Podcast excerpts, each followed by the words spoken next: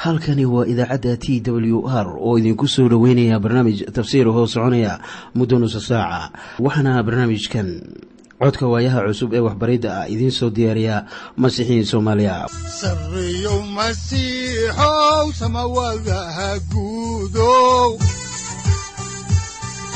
siraadkii adduunkow subanaha eebow sareyow masiixow samawadaha guudow siraadkii adduunkow subanaha eebow adigoo samada jiro ifkaan soo saldhiganba adigoo samada jiro ifkaan soo saldhiganba kutubtiisanaye udanogu saaciiday sharxin sifahaaga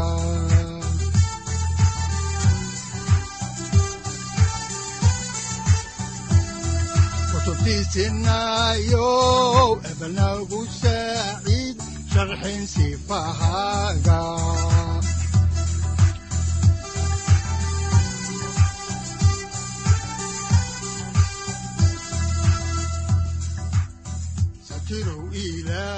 ku soo dhowaada dhegaystayaal barnaamijkeenna dhammaantiinba waxaannu horay u sii ambaqaadi doonnaa daraasaadkii la magac baxay baibalka dhammaantii.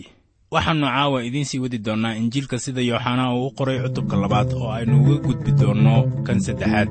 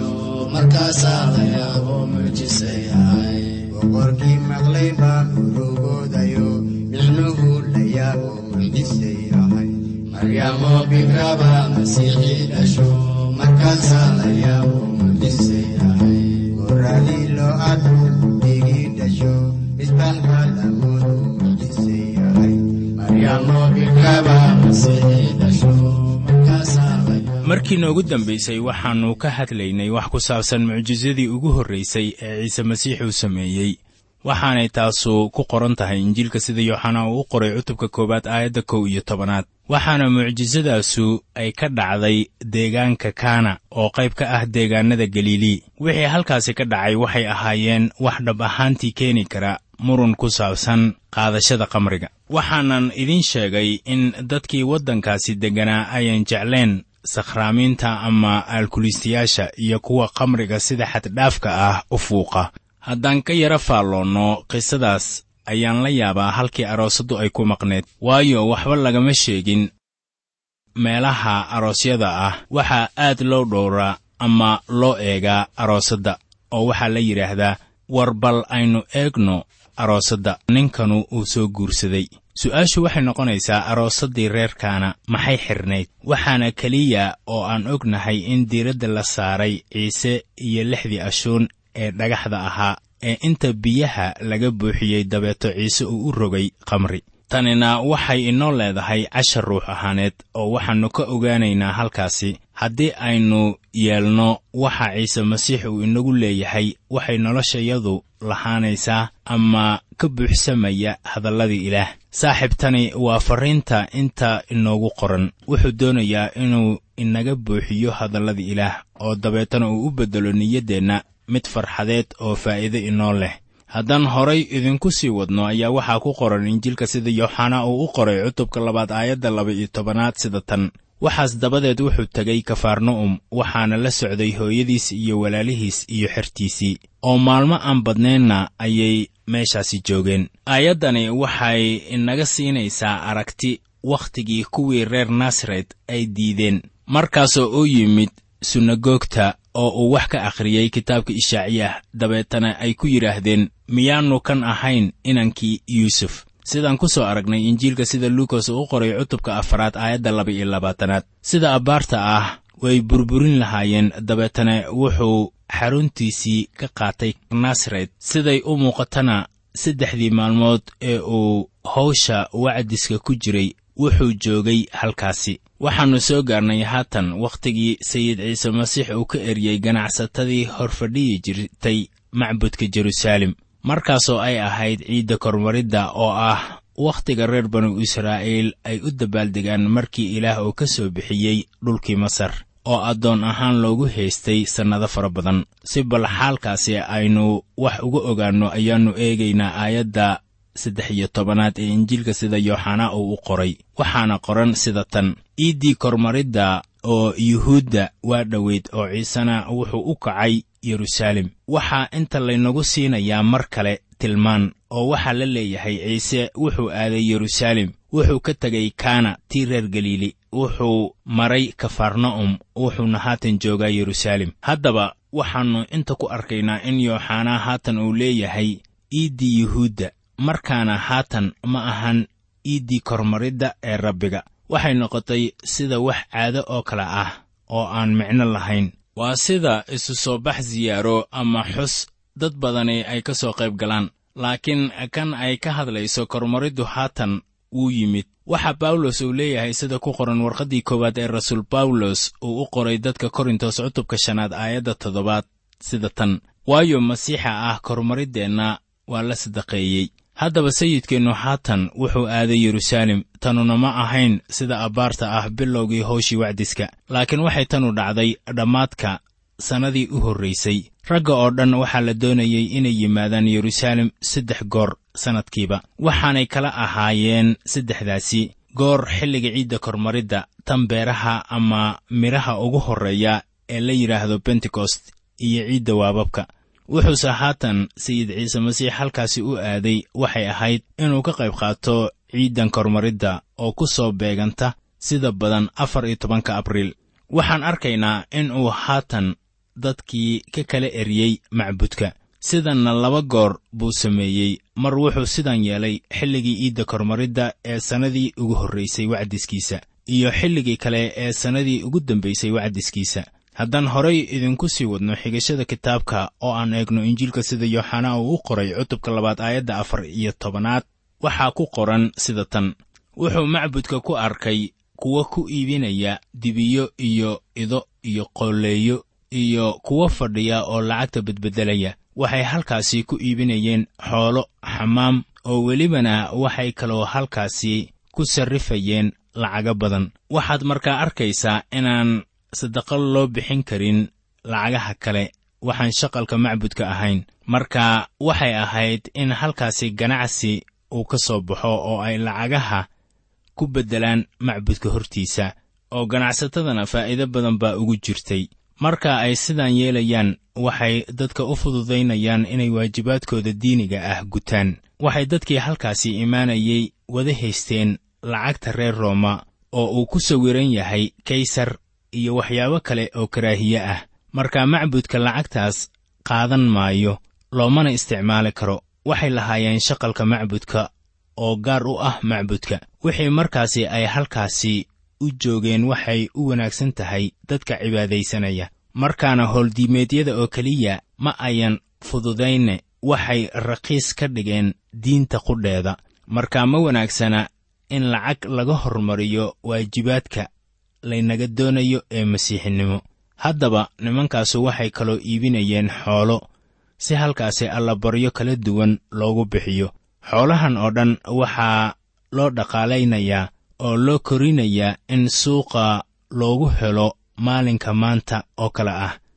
Waxaanay taasu noqonaysaa in diintii iyo beecsharadii laysku xidhay waxaana muuqanaya in kuwo badan ayan dan ka lahayn cibaadaysi laakiin ay halkaasi u joogaan beecsharo waxyaabo badan oo sidaas ah ayaa maanta aad ku arkaysaa dunideenna haddaan horay u sii ambaqaadno xigashada injiilka oo aan eegno cutubka labaad aayadaha shan iyo toban ilaa toddoba iyo toban ayaa waxaa qoran sida tan.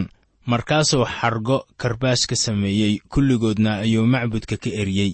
Dibida iyo idaha labadaba lacagtiina wuu ka daadiyey kuwii bedbedelayey. Miisaskoodiina wuu rogay kuwii qooleeyaha iibinayeyna wuxuu ku yidhi waxyaalahan halkan ka qaada guriga aabbahay ha ka dhigana guri bayac mushtari xertiisii waxay xusuusteen in la qoray khiiradan gurigaaga u qabo ayaa igubaysa waxaan idiin sheegayaa in sayidku halkan aad uu ugu carooday. Taasina su'aalka ma taagna. Xertuna waxay xusuusteen aayadda sagaal iyo lixdanaad ee zabuurka sagaalaad. Toddoba iyo toban goor ayaa ahdiga cusub lagu soo xiganayaa waana mid ka mid ah lixda zabuuradood ee la soo xigto aalaba marka aynu ku jirno ahdiga cusub waxaa mar kale halkan lagu soo xiganayaa zabuurkaas lixdan iyo sagaalaad. Markaynu gaarno cutubka shan iyo tobanaad aayadda shan iyo labaatanaad iyo cutubka sagaal iyo tobanaad aayadaha siddeed iyo labaatan ilaa sagaal iyo labaatan.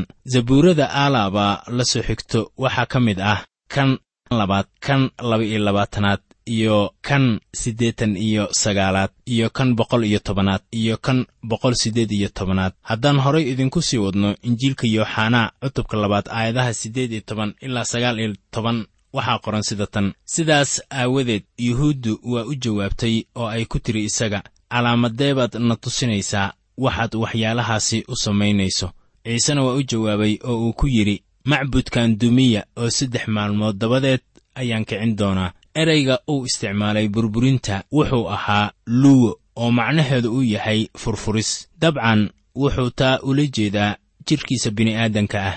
Haddaan horay idinku sii wadno kitaabka oo aan eegno cutubka labaad aayadda labaatanaad ayaa waxaa qoran sida tan. Yuhuuddu haddaba waxay yidhaahdeen lix iyo afartan sannadood ayaa macbudkan la dhisayey adiguna ma waxaad ku kicinaysaa saddex maalmood. Haddaba macbudka wuxuu ahaa kii herodos uu dhisay. Welina dhismo ayaa ku sii socday wuxuuna dhismahaasu ku socday lix iyo afartan sannadood. Haddaba isticmaalka cayiman ee hadallada giriigga ah ee la isticmaalay ayaan doonayaa inaan si wacan idinku sharaxo aayadaha afar iyo toban ilaa shan iyo toban ayaa ciise uu inoogu sheegayaa nadiifinta macbudka ereyga halkan loo isticmaalay macbud waxa weeye hiyeron oo qusaysa macbudka oo dhan. Markaana wixii ciise dadku uu ka eryey waa qaybta bannaanka ah ee macbudka. Waxaa kaloo jira giriig ahaan macno kale oo macbudka qaybtiisa dhexe uu leeyahay. Waxaana weeye naa'os taasoo loola jeedo qaybta quduuska ah ee macbudka. Haddaba markii uu yidhi macbudkan dumiya oo saddex maalmood gudahood ayaan ku soo kicin doonaa ayay la noqotay inuu ka waday macbudkan guud ahaan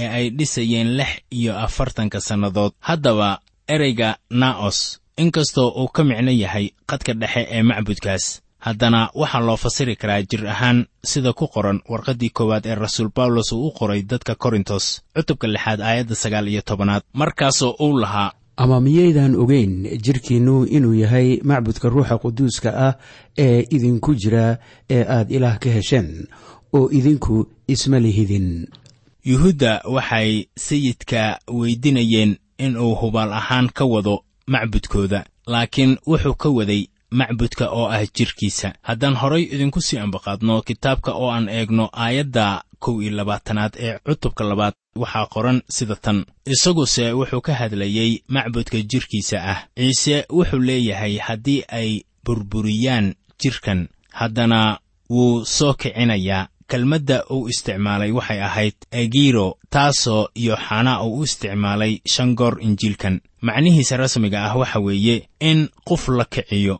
Mar waliba ee uu isticmaalayeyna waxay jumladda ugu jirtaa sida qof dhimashada laga soo kicinayo. Waxaan u malaynayaa in sharaxaadaasu ay idin caddaynayso nuxurka ka dambeeya marka sayidkeennu uu leeyahay macbudkan dumiya oo saddex maalmood dabadeed ayaan kicin doonaa haddaan horay idinku sii wadno kitaabka oo aan eegno haatan injiilka sida yooxanaa uu u qoray cutubka labaad aayadda laba iyo labaatanaad waxaa qoran sida tan.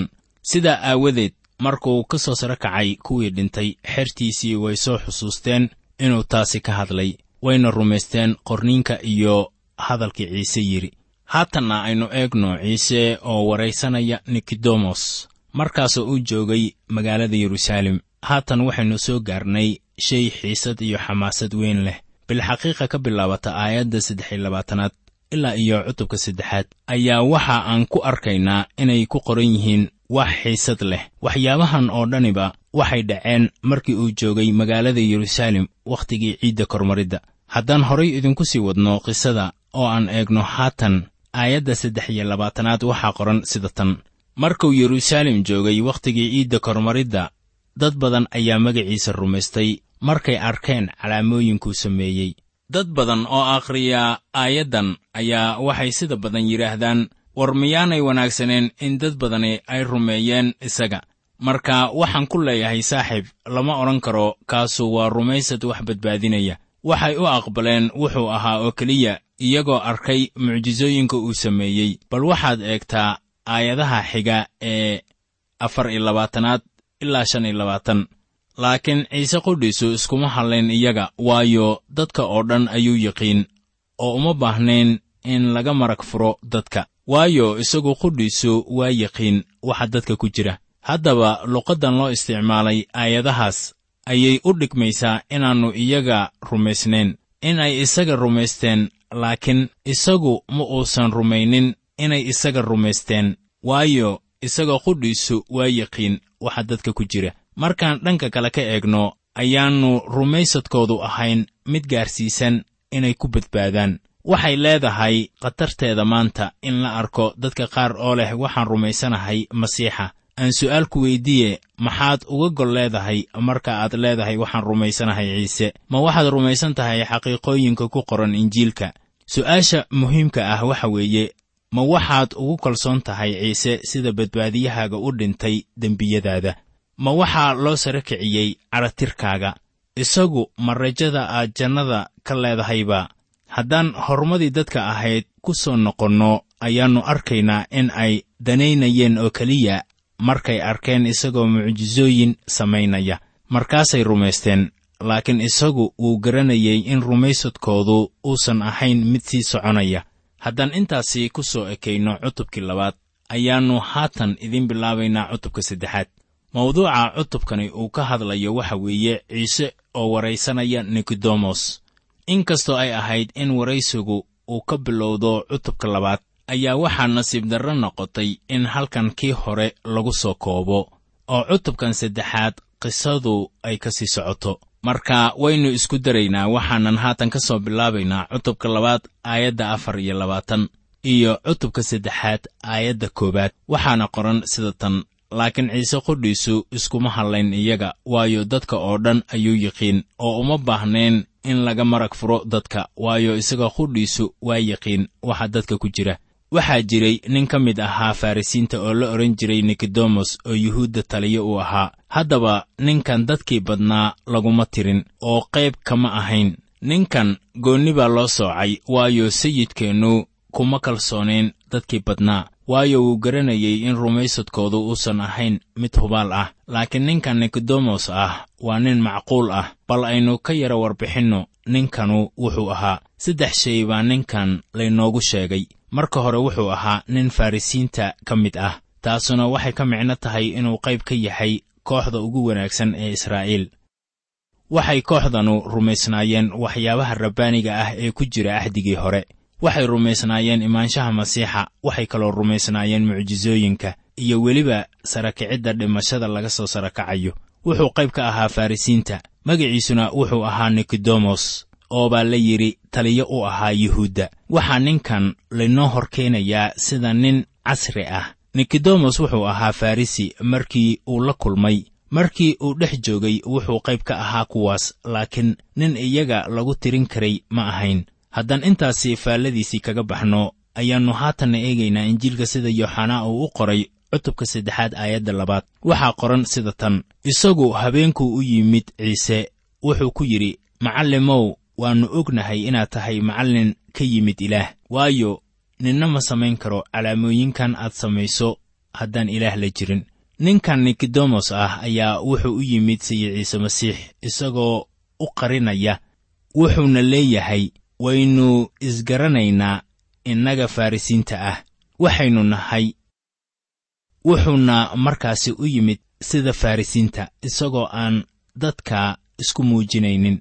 Wuxuuna la yimid bogaadin iyo hadal wanaagsan. Welibana ninkanu ma ahan laba wejiile. Wuxuu leeyahay farrisiinta waxay oggolaadeen inaad tahay macallin ka yimid ilaah. Waxaanan u malaynayaa in nikodemos uu doonayey inuu ciise kala hadlo waxa ku saabsan boqortooyada ilaah. Farrisiintu waxay doonayeen inay taagaan boqortooyada oo waxay kaloo doonayeen inay tuuraan harqoodka reer rooma ee ay wadaan. Laakiin iyaga si ay taasi ku samayn kareen ayaan jirin. Waxaa markaasi la maqlay ninkan ciise ah oo dhulka maraya iyadoo ay dad badani la socdaan meel kasta ee uu aadoba. Markaana farrisiintu waxay doonayeen inay bal ogaadaan kan ninkanu uu ahaa maadaama ciise uu ka yimid dhulka baadiyaha ah oo aannu garanaynin siyaasadda iyo tabaha magaalo ayay la noqotay inay xoogaa isku darsadaan. Markaasaa waxaa halkan jooga nikodemos isagoo qiraya in ciise uu yahay macallin xagga ilaah ka yimid. Waxaa caddayntanu ay noqonaysaa mucjisooyinkii ciise uu sameeyey waxaanay ahayd inuu aqoonsado mucjisooyinkaas tafadal waxaad ogaataa inaannu ninna ka shakiyin mucjisooyinka sayidka waase kuwii berigaasi joogay dhulka eh. Waxaa keliya oo ka shakinaya dadka ilbaxay ee muddada labada kun oo sannadood ah aan arag mucjiso oo welibana dhulkii ay ka dhacday aan joogin. Way ku adag tahay dadka dunida laakiin waxaannu arkaynaa kuwii berigaas joogay ha ahaadeene cadowga ama saaxiibbada ciise masiixe ayaan marnaba ka shakiyin inuu samaynayo waxyaabo aan horay loo arag ama loo aqoon oo mucjiso ah. Haddaan horay idinku sii ambaqaadno kitaabka oo aan eegno injiilka sida yooxanaa uu u qoray cutubka saddexaad aayadda saddexaad ayaa waxaa qoran sida tan. Ciise ayaa u jawaabay oo ku yidhi runtii runtii waxaan kugu leeyahay qof haddaannu mar kale dhalan boqortooyadii ilaah arki kari maayo. Haddaba waa sababtan tan ay ila noqotay inuu doonayey inuu kala hadlo ciise masiix. Iima muuqato sabab kale ee sayidkeennu uu u carqaladaynayo wadaxaajoodkii socday. Haddaannu u imaanin inuu ka hadlo boqortooyadii ilaah. Markaasoo uu sayidku ku yidhi runtii runtii waxaan kugu leeyahay qof haddaannu mar kale dhalan boqortooyadii ilaah arki kari maayo. Haddaba waxaa inta jooga nin farrisi ah kaasoo ahludiin ah markaasaa weliba sayidkeennuna uu ku leeyahay boqortooyadii ilaah arki kari maysid ilaa aad mar kale dhalato mooyaane. Haddii ninkanu uu u yimid inuu kala hadlo boqortooyada iyo sidii loo taagi lahaa taasoo ay ila tahay inuu u yimid dabeeto hadalladan sayid ciise masiix way niyad jibinayaan. Haatanna wuxuu iska qaadayaa indhashareertii farrisinimada laakiin weli waa taliyaha yuhuudda. Haddaan horay idinku sii wadno oo aan eegno aayadda afaraad ee cutubka saddexaad. Waxaa qoran sida tan. Nikodemos wuxuu ku yidhi sidee baa nin mar kale uu u dhalan karaa? Isagoo duq ah. Miyuu mar kale uurkii hooyadiis geli karaa?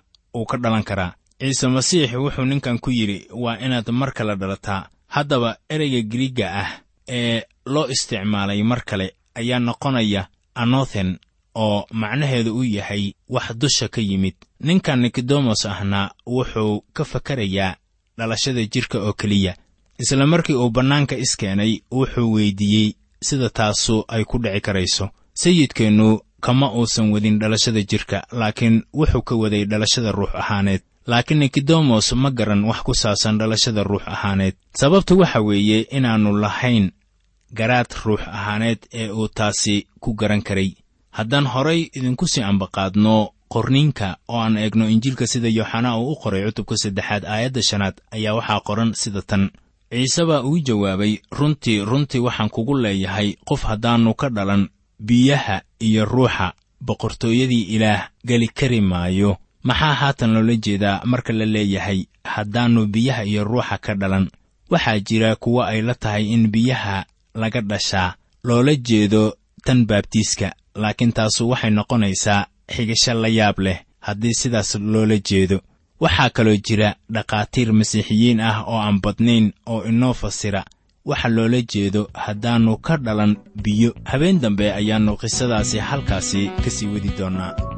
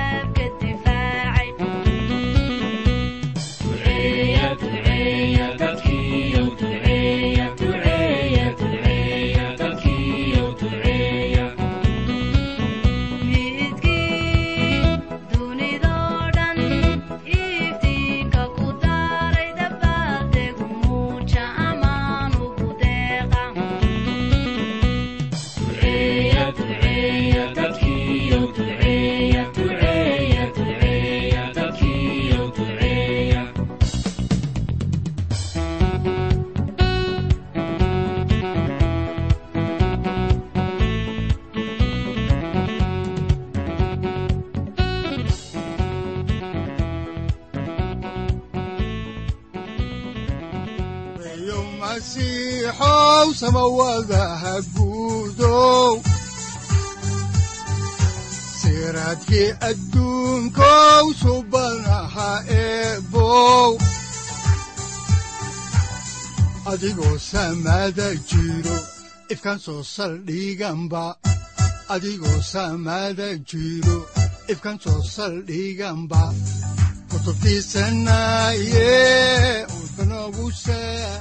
halkani waa t w r idaacadda t w r oo idinku leh ilaa ha idin barakeeyo oo ha idinku anfaco wixii aad caawi ka maqasheen barnaamijka. Waxaa barnaamijkan oo kalea aad ka maqli doontaan habeen dambe. Hadahan oo kale haddiise aad doonaysaan in aad fikirkiina ka dhiibataan wixii aad caawi maqasheen ayaad nagala soo xiriiri kartaan som t w r at t w r c o k e haddii aad doonaysaan in aad dejiisataan oo kaydsataan barnaamijka ama aad mar kale dhegaysataan fadlan mar kale booqo www t w r o r g amase www t t b t w r o r g. Amase waxaad teleefoonkaaga ku kaydsataa ama ku download garaysataa agabyada ku sahli karaa dhegeysiga t w r haddii aad doonayso in laga kaalmeeyo dhinacyada fahamka kitaabka amase aad u baahan tahay duco fadlan fariimahaaga soo mari bogga aaraahda ama kommentska inana jawaab degdeg ah ayaanu ku soo diri doonaa amase ku siin doonaaye wihiyow saacadda timid dhulka sabada ku dhalatiyo